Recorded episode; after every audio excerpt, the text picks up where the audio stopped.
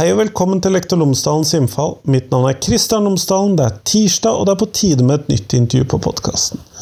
Denne gangen så snakker jeg med Andreas Outsen om skolen som en vitnemålsfabrikk. Og hvordan har det seg at skolene får stadig høyere gjennomføringsgrad, stadig høyere karaktersnitt, samtidig som at elevene i mange år nå ikke hadde eksamen, og hva med at høyere utdanning klager over at elevene ikke er studieklare, samtidig som næringslivet snakker om at lærlingene er like flinke som tidligere. Hvordan henger dette sammen, og hvordan kan læring være frakoblet fra resultatene, altså karakterene, eller Kanskje vi lærere pushes til å gi bedre karakterer, eller formes til å gi bedre karakterer. Dette snakker jeg med Andreas Ausen om. Men samtidig så snakker vi om de som svartmaler eller tegner negative eller falske bilder av skolen ut i media som ikke stemmer. Hvorfor gjør man det? Hva er det de ofte hva er det som fremmes, osv. Dette kommer vi mer inn på i intervjuet. Det hører du mer om. Ellers, podkasten er som vanlig sponset av Fagbokflagget, og Fagbokflagget utgir bøker og digitale læremidler for hele utdanningsløpet. Fra barnehage til høyere utdanning og profesjonsstudier, samt norsk for minoritetsspråklige. Fagbokflagget kommer ut stadig med nye relevante læremidler, så følg med på fagbokflagget.no. Og hva er spesialpedagogisk profesjonalitet? Det er et godt spørsmål, og det prøver en av fagbokforlagets mest populære titler i 2023 å svare på. Dette er boken 'Spesialpedagogikkens samfunnsmandat'. Den tar utgangspunkt i vitenskapsteoretiske perspektiver og drøfter spesialpedagogisk praksis i lys av teoretiske tilnærminger og tradisjoner. Disse refleksjonene gir et fundament for å forstå spesialpedagogikkens rolle i samfunnet generelt, og på utdanningsfeltet spesielt. Så denne boken den finner du på fagbokflagget.no, og du finner faktisk et intervju med Rune Haustæter, som har skrevet den boken, for bare noen episoder siden. Så bla deg litt tilbake, så finner du den, men også på fagbokflagget.no. Men nå, nå får du Andreas Autzen, vær så god.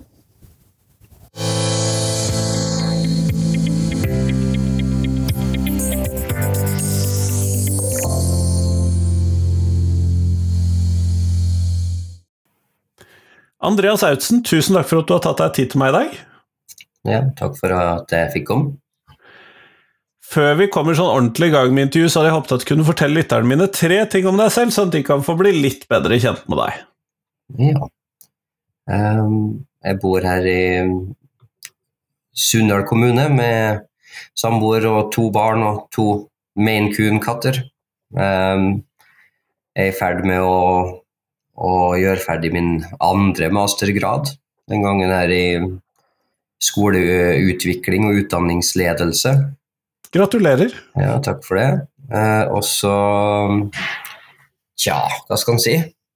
Og så er jeg som engelsklærer, da, eh, som òg har bodd en liten periode i England, så er jeg veldig anglofil og, og fotball- og musikknerd. som eh, ja, som hører og bør når du, når du er anglofil, i den forstand. Ja. ja. nei, det kommer jo fort eh, med da, når man uh, først er engelsklærer med botid der, så Ja, det, det, det, blir fort slik. Jeg er litt usikker på om det kunne reddet min fotballinteresse, men det er ikke dagens samtale.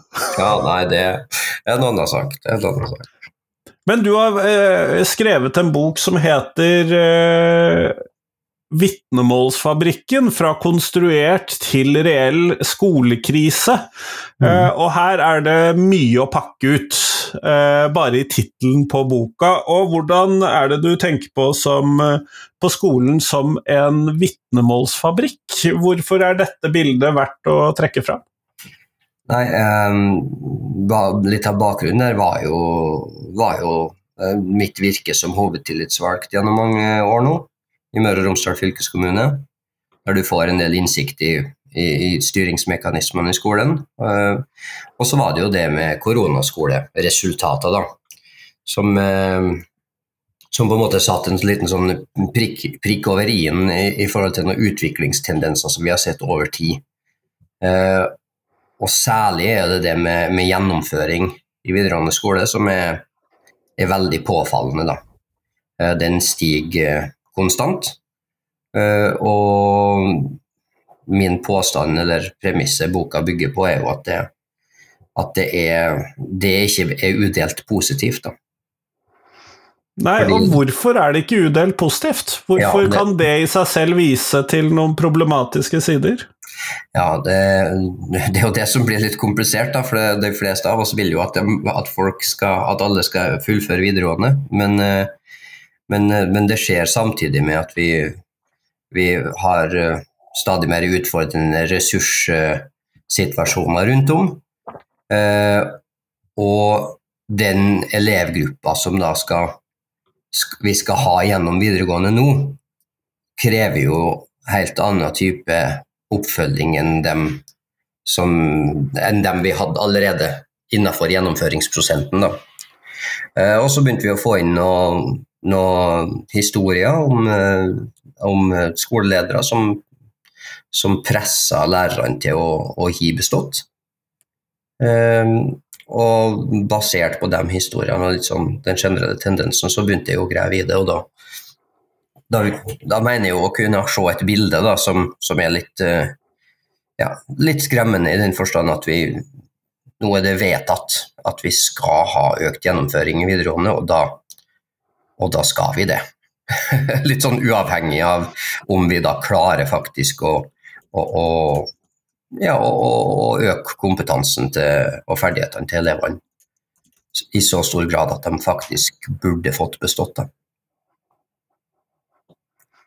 Nettopp. Men hvordan kan dette da gå fra å være en konstruert krise til å bli en reell krise? Ja. Det, det, nei, bare for å pakke ut andre halvdelen. ja, det, skal, det, går bra. Ja, det er klart at her, her har jo forlaget også en uh, markedsavdeling som liker ordet krise, selvfølgelig. Men, uh, men uh, det det spiller på, er jo spiller på er jo det med at um, i kjølvannet av PISA-sjokket og den velkjente historien der, så da var det jo krise i, i Skole-Norge fordi vi, vi skåra så dårlig. Uh, og da måtte vi ha nye læreplaner og nytt styringssystem da, med, Kristin Clemet i spissen. Uh, og min påstand er jo at det der var et lite storm i et vannglass, og at det ble brukt da, til å innføre et nytt styringsregime. Så det er den konstruerte krisa. da. Og at det styringsregimet er kanskje det vi, vi, vi ser nå holder på å skape den reelle krisa, som er det der, at det ikke lenger er samsvar mellom, mellom faktiske resultat og det elevene da har lært, pga. at vi får den måltallfikseringa og målforskyvinga i, i systemet. Men en ting som preger dette feltet, er jo at det finnes veldig mange ulike og konkurrerende fortellinger om skolen, og det finnes veldig mange ulike perspektiver å ta på disse fortellingene, og vi skal komme litt til noen av disse fortellingene etterpå. Men eh, når du da snakker om da denne ressurssituasjonen, så mistenker jeg jo, iallfall ut ifra min erfaring, de første sånn si 80-90% av elevene krever egentlig ikke så fryktelig mye ressurser. Nei. Der går det litt på halv fem uh, igjennom. Uh, ja, ja, men jeg, det er de ti prosentene du da snakker om, kanskje? Ja, ikke sant. Det er det. Og det der vil jo være en sånn situasjon som vil bli hva skal jeg si, verre eller mer krevende da, eh, etter hvert som vi beveger oss oppover i det der gjennomføringsgradssystemet her. Altså det, blir, det er vanskeligere å løfte, løfte gjennomføringsgraden fra, fra, fra, fra 80 til 90 enn det var fra 70 til 80, og fra 90 til 100 da kan vi jo tenke oss. Og det, det handler jo om på en måte elevgruppa vi, vi, snakker om, da, og hva de krever. Og, så, så vi kan si sånn at det hadde jo vært det hadde vært bare positivt og hvis vi kunne fått alle igjennom, selvfølgelig. Men, men, eh, men eh, det vil være veldig ressurskrevende, tror jeg, de siste 10-20 av. Um, absolutt. Og det er jo et uttalt politisk mål å få alle gjennom videregående skole, eller i hvert fall alle som vil. Det, det er litt uklare formuleringer der fra politikerne, men Tror du at politikerne har oppdaget hva som er nødvendig for å få de siste 10-15-20 prosentene gjennom videregående skole? Nei, det er jo det jeg mistenker at de ikke har, da. det, det, er akkurat det jeg mistenker at de ikke har, fordi i hvert fall så, så, så synes jeg Nå skal jeg nå med forbehold om at det kan være noen variasjoner rundt omkring her, så er i hvert fall inntrykket med å, når jeg snakker med, med mine, mine hva si, tillitsvalgtkollegaer i alle fylker, så er det en pressa økonomisk situasjon overalt. Eh, så det virker ikke som om det er noen som har tenkt at vi skal ha noe mer, mer ressurser inn for å nå det målet, som du, som du sier. da. Og da jeg syns jo det er litt merkelig, da. Uh, siden vi stort sett som samfunn ofte er enige om at kvalitet koster jo. Uh, I andre sammenhenger. Ja, og det er jo kanskje noe av det litt rare i denne sammenhengen, ettersom vi vet at uh, ligger, de som i dag ikke fullfører videregående skole fordi at det ligger veldig mye til rette i skolesystemet slik det er i dag, mm. så er det særlige utfordringer, og det skaper jo er jo nødt til å skape noen problemstillinger også når det kommer til dette.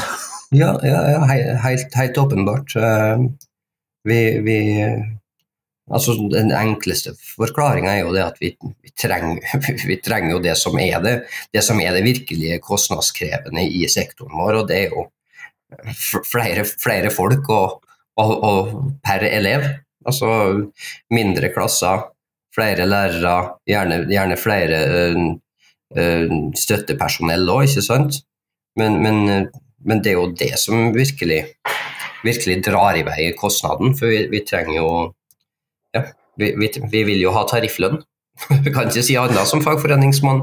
Og det er klart at når vi da, når vi da ser det der presset om at, om at gjennomføring skal opp, Eh, samtidig som vi, får de veldig tydelige uttalte signaler om at eh, det er omsorg som skal måte, ha ressursene nå i kommunene.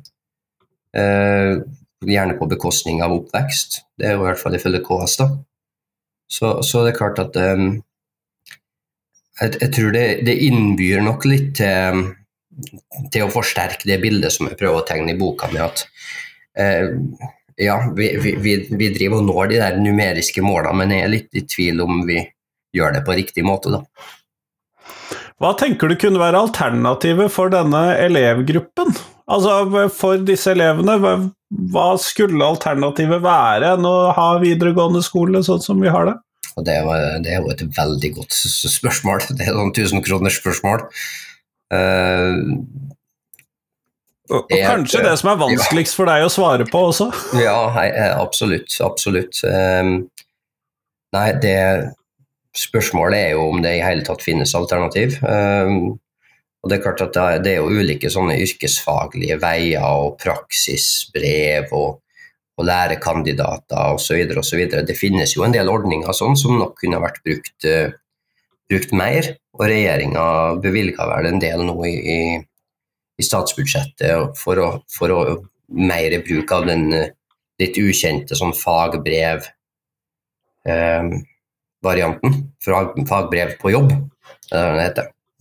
Ja. ja. for det koster jo selvfølgelig også penger hvis man skal drive og tilby den type ordninger. Selvfølgelig, selvfølgelig. Så, så, så en del sånne alternativ vil, vil vi nok uh, kunne se. Og så, um, er, det jo, er det jo det med som, nok, som vi frykter litt da, i, i fagforeninga på et vis. Og det er jo det med, med økt bruk av fjernundervisning og, og en del sånne type eh, ting da, med folk som kanskje ikke ja, som ikke klarer å, å være ute av hjemmet grunnet angst, eller det kan være eh, andre typer problemstillinger. da. Ja, for Hvis jeg har forstått det riktig, så åpner den nye opplæringsloven opp for i økende grad av eh, fjernundervisning. Ja. Hvis jeg har forstått det riktig? Ja, det er sånn jeg har forstått det òg. Eh, at de begrensningene er mindre. Og, og det er klart at uh, vi, vi, Ja, jeg har, jeg har sjøl vært med på, på, på den store BET-messa i London uh, i forhold til sånn uh, educational tech som blir en stadig større industri. Og, og det er klart at vi, vi, vi, kommer nok dit at det blir mer og mer en realitet. Og så spørs det om vi klarer å, å, å få gjort det på en måte som, som faktisk gagner læring og, og, og da ansattes vilkår osv. At det ikke er det å bli en ny sånn salderingspost. da. Ja, og jeg kan til dels forstå noen former for fjernundervisning eh, for å opprettholde et skoletilbud og opplæring mens man sliter med ufrivillig skolefravær. Jeg kan forstå det i noen fagsammenhenger for å tilby større fagsammensetning i Sogn og Fjordane og Finnmark. Ja, ja. eh, så noen sånne kan jeg forstå, men hvis man skal bruke det for å tilby det til de mest skoleleie ung, ung, ungdommene, det tror jeg ikke ikke funker. Nei, det er jo det. Nei, der er vi enige, da. Det er jo, der er vi jo veldig skeptiske som ja, det er signal, helt klart signaler fra innenfor fagforeningssystemet og at vi er veldig skeptiske til det. Um, og det er jo fordi at den oppfølginga er kanskje Eller de elevene er kanskje dem som kreves tettest oppfølging. Uh, og da kan vi ikke på en måte sitte og ha forhåndsinnspilte videoer eller et eller annet. Det, ja, det, det, det, det, tror jeg ikke vil vi, Da klarer vi ikke å gi dem det vi mener de bør ha. Og igjen da, så er det jo litt det der med Det er jo ikke bare det papiret. Eh, er jo, det er jo der boka på en måte ligger, da, at det er ikke papiret i seg sjøl som vi driver og trakter etter at alle skal få. Det er, jo, det er jo det som er grunnlaget for det papiret det vitnemålet. Hva? Sjokkerende nok, men, men, men, det er ikke alltid at jeg, jeg syns at politikerne er, er enig i det. da. Det virker som at det, de tallene der kan være viktige nok uh, for dem. Og det tror jeg jo selvfølgelig er en farlig vei å gå, da. Men du snakker jo også i boka di om fremmedgjøring. Ja. Og eh, hvorfor tenker du at dette er en uh, viktig problemstilling i denne sammenhengen? Altså, og hvem er det som fremmedgjøres? Ja, ja, det er jo det, da.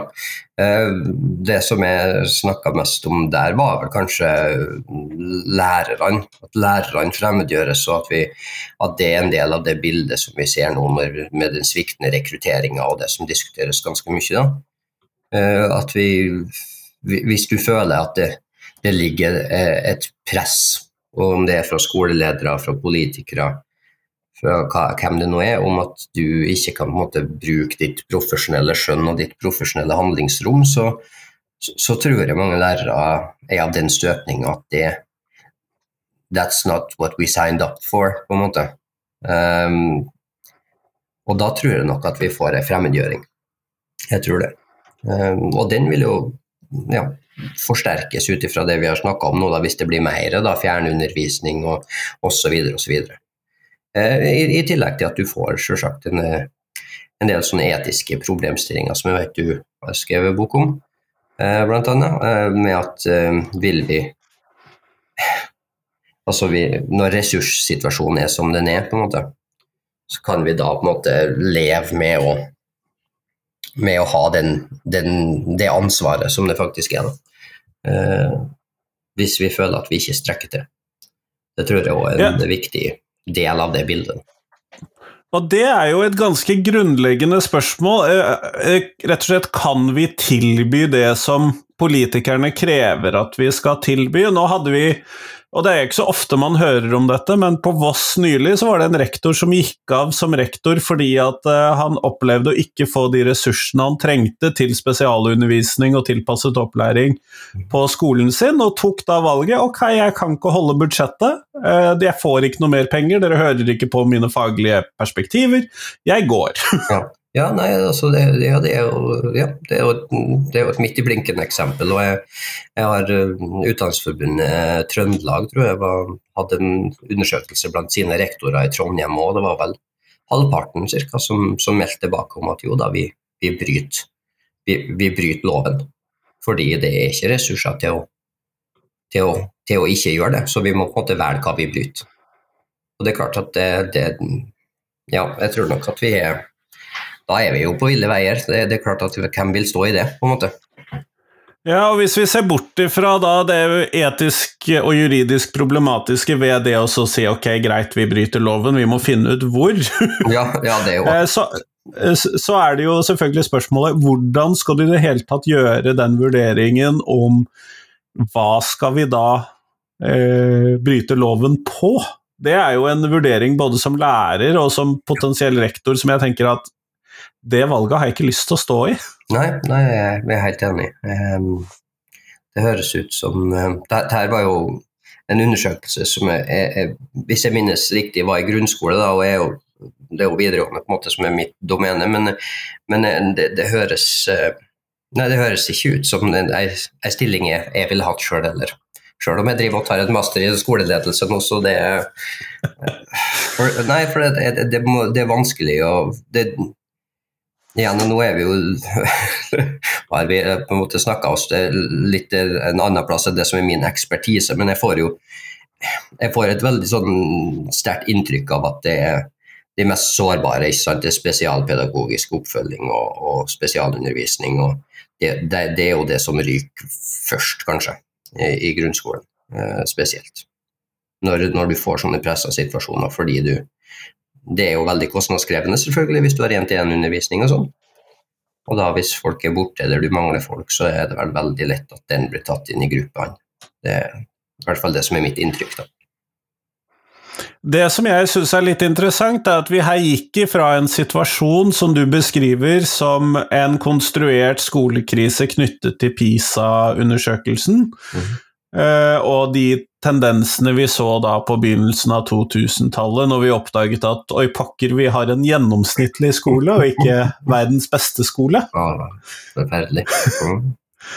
eh, til vi nå da står i en situasjon hvor de kravene vi setter til oss selv i forhold til hvordan vi skal behandle elevene, hva de skal få ut av skolen, og Eh, hvilken gjennomføringsgrad vi har, eh, medfører at vi kanskje kan snakke om en reell skolekrise. Og det er jo veldig interessant. Ja, helt, helt klart. Og, det, og det, det, er klart at det er jo Ja, vi jobber jo i en, i en kompleks og derfor også en interessant sektor. Eh, så, så, det er jo ikke et sånn veldig entydig bilde, men, men bare som den lille samtalen vi har hatt nå, så, så er det liksom noen tendenser som jeg føler peker i samme retning. da. Uh, og det er litt som det du sier, at uh, det, det, er et eller annet som, som skjer i systemet. Uh, I forhold til at vi mangler ressurser, i forhold til at vi sliter med rekruttering. Men samtidig så, så er jo det den boka peker på, at, som jeg tror er veldig viktig sånn politisk, da, er at Men resultater blir jo stadig bedre. Samtidig som vi alle sammen sier at å nei, vi, vi har ikke ressurser og ikke sant? Sånn og sånn. Og da vil jeg tro at sånn, på høyere styringsnivå så sier de da at ja, men gjennomføringa er jo opp, karakterene er jo bedre, osv., så, videre, og så, så her er det jo Her var det jo tydeligvis grunnlag for å effektivisere. Ja. Så, så, så, det er noe der som, eh, som jeg tenker er et problem. Da. Og og løsninga er jo Ja, hadde jeg hatt den, så hadde jeg hadde skulle ringt KD med en gang.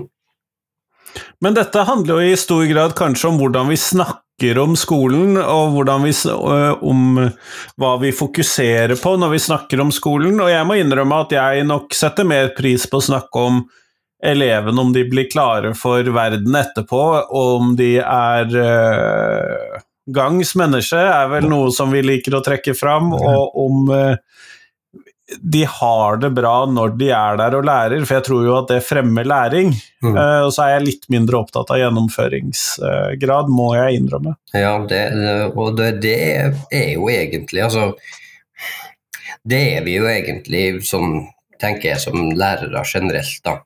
Og så er det jo ikke sånn at uh, uh, det, det som det jeg sjøl har gjort, og det jeg vil tro de veldig mange lærere på videregående har gjort, er jo at vi har tatt noen etiske valg i forhold til sånn i enkelttilfeller der vi kanskje har satt en svak toer som ikke burde vært en svak toer, fordi vi vet at den eleven er en fantastisk mekaniker. Så om han da Da trenger vi ikke å stoppe han på engelsk. Hvis vi bare kan få han ut i yrkeslivet, Riktig. så blir dette her bra. Riktig. Eh, også, også, og det kan være etisk riktig, tenker jeg. Men så, men så er spørsmålet da, hvis Det er jo et stort system, det her. Så hvis 10 000 gjør det, på en måte, og så 10 000 til eh, kanskje blir pressa til å gjøre det, så, så vil vi få noen noe veldig sånne uheldige konsekvenser i sånne system som vi, vi jobber i. da. Altså, jeg tror jeg påstår at altså, det, det, det, er litt vanskelig å si, men, men altså, kan, kan, en etisk riktig vurdering av sånn enkeltvis kan det føre til på en måte en kollektiv uetisk atferd? Eh, jeg tenker at det kanskje kan det. da. At vi, vi, i sum på en måte skaper en situasjon som ingen av oss egentlig vil ha. Eh, for, for det er jo ja. Det, det, er, jo et, er jo på en måte et godkjent stempel vi setter når, vi, når folk skal ut av videregående. Dette henger jo for min del også litt sammen med dette her med fra, øh, fraværsreglene i videregående skole, hvordan man behandler det. Og så sier man da at øh, vi har notert mindre fravær nå, osv. Og jeg klarer ikke å fri meg fra tanken på at det kanskje handler om at lærerne gjør et valg om de fører fravær eller ikke, og om man setter IV eller ikke, fordi at man da Jeg vet at her er det gode grunner til at det ikke også kommer dokumentasjon. ja, ja, ja. Eh, det, det, blir jo spekulasjoner, men ja, det, det vil ikke overraske meg. Uh, absolutt ikke. Og, og det er jo egentlig det er jo det er jo det som er så vanskelig, fordi vi, vi, Nå er det sånn at hvis elevene altså er i fare for IV, fare for stryk, alt sånn, det blir jo mye mer, altså det er mye mer fokus der eh, fra, fra, skoleledere, fra alle. Så det blir jo på en måte det er oppfølging, oppfølging, oppfølging, som Gudmund Hernes skrev en gang. Eh, men, men, så, men, og, og, det er jo egentlig bra, men så er det det der med hvor går den grensa, da. Eh, med oppfølging, oppfølging for å få dem igjennom. Altså hvor langt strekker vi den strikken? Og, og jeg får jo litt den følelsen av at vi kanskje strekker den for langt, da. Med, med som du sier, at det her for det, for, det, for det, er jo ikke sånn at noen av de reglene vi har, sånn fravær, alt sånn her, du, du, kan bøye de reglene hvis du vil. Det, det, Sånn er det jo. Og da har du kanskje de beste intensjoner, men igjen, da, som system så kan det jo skape en del trøbbel.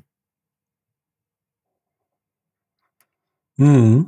Men og, og, dette samtalen her kan jo være et eksempel på det, da, men eh, skaper vi eh, Snakker vi skolen ned gjennom det vi nå da f.eks. snakker om, trekker fram, diskuterer? Er vi en del av problemet her? Jeg hører jo at vi blir anklaga for det, i hvert fall. Men, eh, og, og, det er klart at det, det, det jeg, jeg, kan jo, altså jeg, kan jo, delvis være med på at det, det sikkert ikke er sånn veldig sånn fristende nødvendigvis hvis du er uh, ung og skal velge vel tema og, og vel, hvis det høres ut som at, at, alt er så forferdelig i skolen. Og det er det jo ikke. Alt er jo ikke forferdelig i skolen. Men uh, men samtidig så, så, ser jeg ikke at vi har noe annet valg enn at det er jo vi som er i systemet som kjenner det godt nok til og kan dra fram sånne ting som vi diskuterer nå. Uh, og problematisere ting som på overflata ser veldig fint ut, f.eks. det med gjennomføringstallet. Um, at det kan, være noe her som ikke, som ikke nødvendigvis er så bra som, vi, som det virker. Uh, det, og det er jo Eh, kanskje noe av det mer interessante, fordi at eh, hvis vi ser på skolen og ser på sånn funksjonaliteten for den, så funker jo skolen tålelig greit til ganske bra for ja. 75-80 av elevene. Mm. Uh, ish. ja, ja, ja, men det tror jeg du har rett i. Bekymringen vår som profesjon ligger jo kanskje på de siste prosentene, da, og ikke på de første, for de klarer seg jo rimelig greit. Ja, det, det, det, det er akkurat det. Det, er noe med og Det her går jo litt inn i den der debatten om økt skolevegring og forskjellig òg, det. da. Så hva, er det et eller annet på en måte som, som vi Altså eh, noen ting som psykisk helse, og sånn er, det ikke sikkert at det er skolen som, som er riktig på en måte instans til å takle, selv om vi selvfølgelig må takle det. Eh, men, men vi bør jo i hvert fall ha et, et etisk ansvar, eller ta et etisk ansvar for om det er noe i vårt måte, virke og i vårt system, det systemet som, som vi har eierskap til, og, som bidrar til at elever ikke trives eller, eller faller ifra, eller osv. osv. Det tenker jeg er en viktig del av måte, profesjonsetikken vår. Mm. Men i avisen, og da skal jeg komme til dette her med forskjellige bilder som tegnes av skolen, så uh, har du f.eks. svart uh, Eller det tegnes opp ulike bilder uh, som da av skolen, f.eks. fra Sanna Saroma, som du svarte, og hvor du rett og slett kaller dette en falsk fortelling om skolen. Mm og hvor du mener at hun bommer på årsaksforklaringene. Hvorfor tenker du at det er så viktig å svare ut denne typen bilder ute i media, da? La oss starte der. Ja, vi kan starte der. Uh, nei, det, det, som eh, bekymrer meg med, med, den type historie som kommer der, og er jo, det er jo ikke bare hun, hun som forteller den historien, det er jo at hvis du bommer på, på årsaksforklaringa, eh, så, så, bommer vi jo på, på, på, eventuelle tiltak, da, eller eventuelle løsninger. Um, og, og, jeg synes det, det, tegnes opp et bilde nå, og det er jo veldig sånn forsterka i den helt reelle problematikken med vold og trusler. At vi, vi får en litt sånn reaksjonær uh, backlash her, om at vi skal tilbake til en skole på sånn som den var på 1970-tallet, helst eh, kanskje enda tidligere. Eh, der, der, det vi mangler for at skolen skal være bra, er at altså skjermer må bort, ikke sant? Og, og, det må være disiplin. Elevene har jo ingen disiplin, det er løsninga på det meste, det ser det ut som. Eh, som er veldig, ja, veldig forenkla og litt sånn fordummende, men, men, men, eh, men, eh, men jeg tenker at det, det, det er farligere i den forstand at vi, at vi klarer ikke å løse noe problem med å, med å hvis de der narrativene får lov til å dominere debatten. Da.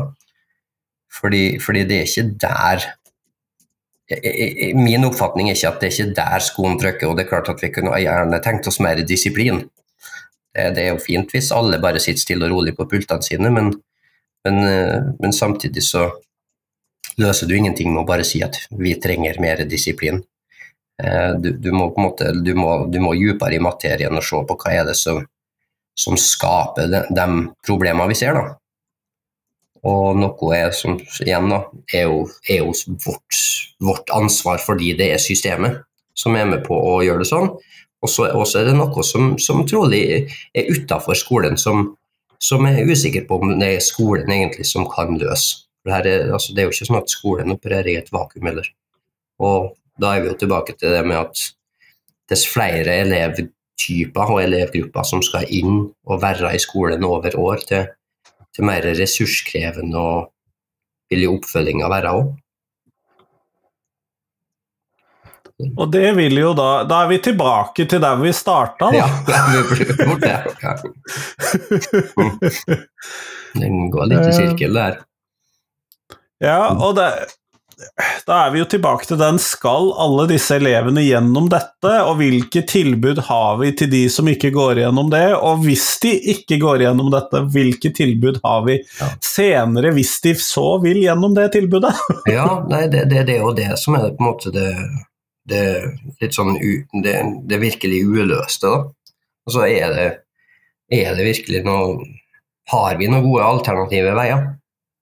Og, og, det vil det jo være ulike meninger om. Eh, jeg så at Manifest var ute med et eller annet sånn med yrkesvei, en sånn liten pamflett som, som, prøver å tegne opp noen sånne alternative veier, og de finnes jo.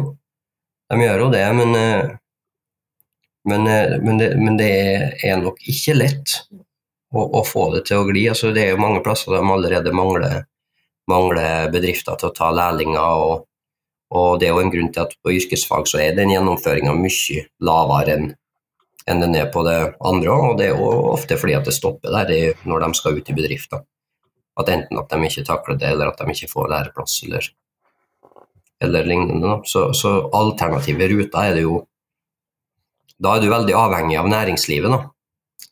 og så kan, er det jo en større diskusjon det om, om næringslivet er i stand til å, å, å ta det ansvaret. da.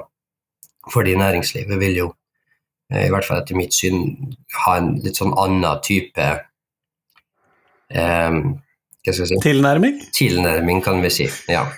Eh, og, og, der mener jo at LO og NHO i de fora de ofte uh, er, er, de sterke i, at de òg er litt sånn um, Jo, de, selvfølgelig vil de ha de fagarbeiderne, men de vil jo ha på en måte de, de beste fagarbeiderne.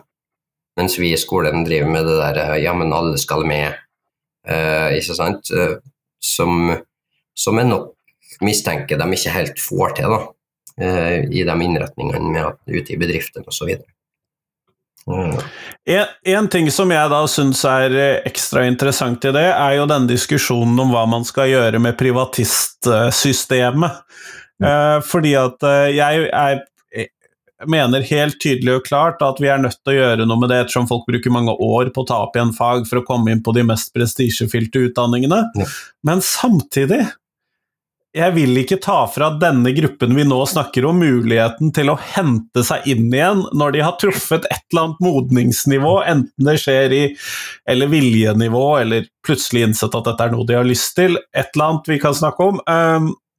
I en alder av 20 eller 25, 45 Jeg har hatt 55-åringer inne på privatisten min ja. som trenger å fikse den karakteren. Jeg vil ikke ødelegge for dem. Nei, det der er, det er virkelig et dilemma, for jeg er veldig enig med, med resonnementet ditt. Da, bare for å si det. det. det. er på en måte min posisjon, at, at systemet sånn som det er i dag, det, det er jo det, det, funker ikke. Du har den, liksom, den, den sosiale skjevheten i at vi, vi prøver å begrense privatistene gjennom å gjøre det dyrere, som da gjør at hver enkelte får den sjansen, eh, som ikke er bra. Og, og, så er det jo det samfunnsøkonomiske med at du har mange folk som, som du sier da, som holder på mange, mange år for å ta opp igjen. Så, så, det funker ikke sånn som det er i dag. Men så er det som du sier, da. Men hvis vi da sier nei, det er jo ingenting eh, annet enn det som er det første første runde, så, så er det en viss gruppe det sannsynligvis går utover òg. Eh, og så er det jo et, også et spørsmål litt i forhold til det der med Som jeg jo eh, er opptatt av med det der med karakterinflasjon da, og, og presset på karakterer. Blir, blir, det bedre hvis du på en måte Hvis det blir enda mer som står på spill, da? Det, det, det kan vi vel kanskje tenke at det blir det vel ikke. Så, så, det er et, helt klart et behov for endring, så, men så er det liksom innretninga på den endringa som er vanskelig. Mm. Og det er jo nettopp uh, der uh, klokere mennesker enn oss forhåpentligvis skal uh, Vi får håpe det. Vi får håpe det. Men samtidig, jeg tenker jo at dette er viktig at vi kollektivt mener noe om, og så kan man jo si det at du kollektivt som representant, eller representant for kollektivet som uh, tillitsvalgt er en del av det å mene noe kollektivt, men jeg tror jo at uh, hvis vi hadde klart å si noe om dette på uh, fellesmøter, at vi hadde prosesser på det ute som en del av fellestidene våre, kanskje kunne kommet opp med mer løsninger enn hva vi har i dag. Det tror jeg du har rett i. Vi, og det er jo litt med Det er jo litt av svaret, men det, tilbake til altså, hvorfor skal han bry seg med både å skrive bok og, og, og, og, uttale seg i media, så er det jo litt det der med at vi må på en måte begynne med å prøve å påpeke en del utfordringer, og vi må, vi må snakke om det. fordi at det, jeg tror ikke at Ja, det, det, det er jo mulig at det er noen sånne veldig kloke mennesker som, som, som, som kanskje kan komme med noen sånne aha uh, moments til oss, men jeg, jeg, tror nok kanskje at det er vi i profesjonen som er nødt til å diskutere oss fram til de beste løsningene. Uh, for det er nok, er nok, bare vi som ser måtte, he, hele bildet godt nok. Sjøl om vi, det er fortsatt ikke lett for oss heller, det er ikke det. Kjempeflott, Andreas. Du, Vi går mot slutten av den tiden vi har sammen i dag. Og det jeg hadde tenkt å spørre deg om da, er eh, hvilken lærer har gjort størst inntrykk på deg, og hvorfor det? Um, det var en lærer jeg hadde på videregående, um, dessverre døde for noen år siden. Men han var en, eh, en historielærer som jeg, jeg syns var, var fantastisk i den forstand at han, han viste en sånn entusiasme for faget, da. Som, eh, som på en måte sendte meg ut av den litt sånn blaserte tenåringssaken som en ofte har da, på, på videregående, og faktisk ja, sådd et lite frø der, da. Da ble jeg jo òg historielærer sjøl, så det er mulig at det, mulig at det var det som skjedde. Men, men det, det, er sånn som jeg husker godt. da, at han, Altså, engasjement. Jeg hadde kanskje undervurdert hvor viktig det var før jeg traff på den læreren i forhold til formidling og i forhold til lærergjerninga. Så det har jeg prøvd å, å ta med meg videre i mitt eget virke. Da. Kjempeflott. Tusen takk for at du tok deg tid til meg i dag. Ja, tusen takk. Det var veldig interessant.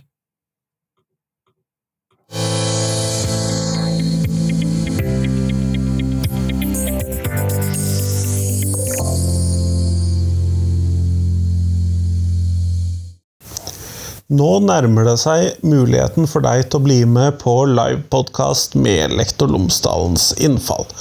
Den 13. mars i, eh, på Litteraturhuset i Oslo så er det nettopp livepodkast som er greia. Da slår jeg meg løs med å lansere boken 'Burde vi det?' Profesjonsfaglig etisk kompetanse i skolen. Og det gjør jeg med å arrangere da en gratis livepodkast på Litteraturhuset i Oslo. Du får da møte Sara Eline Eide, Håvard Søberg og Kristine Lilletun Norheim, eh, som fra hver sine vinkler så skal vi ta for oss hvordan vi kan gjøre skolen til et godt sted å være og et godt sted å lære for alle elevene.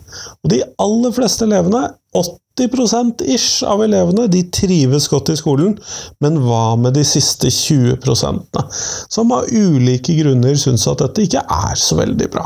Hvordan får vi skolen til et bra sted å være for disse? Det bruker jeg lanseringsfesten min på boken til. Vi skal snakke om hvordan sørger vi for at skolen er en god skole for alle elevene. Du finner mer informasjon om dette på litteraturhuset.no på nettsidene til Lektor Lomsdalens innfall, dvs. Si lektorlomsdalen.no, og du finner det på Facebook-siden til lektorlomsdalen.no. Finner det også i Facebook-gruppen, sånn at her er det masse muligheter til å finne ut mer om livepodkasten 13. mars, Litteraturhuset i Oslo. Det kommer selvfølgelig som en episode på podkasten etter dette også, men jeg håper at du benytter muligheten til å bli med live hvis du kan. Hvis du er i Oslo. Strømmes ikke, men sending kommer senere. Men tusen takk for det. Jeg håper jeg ser deg 13. mars i Kverneland Rom på Litteraturhuset i Oslo. Hei, hei!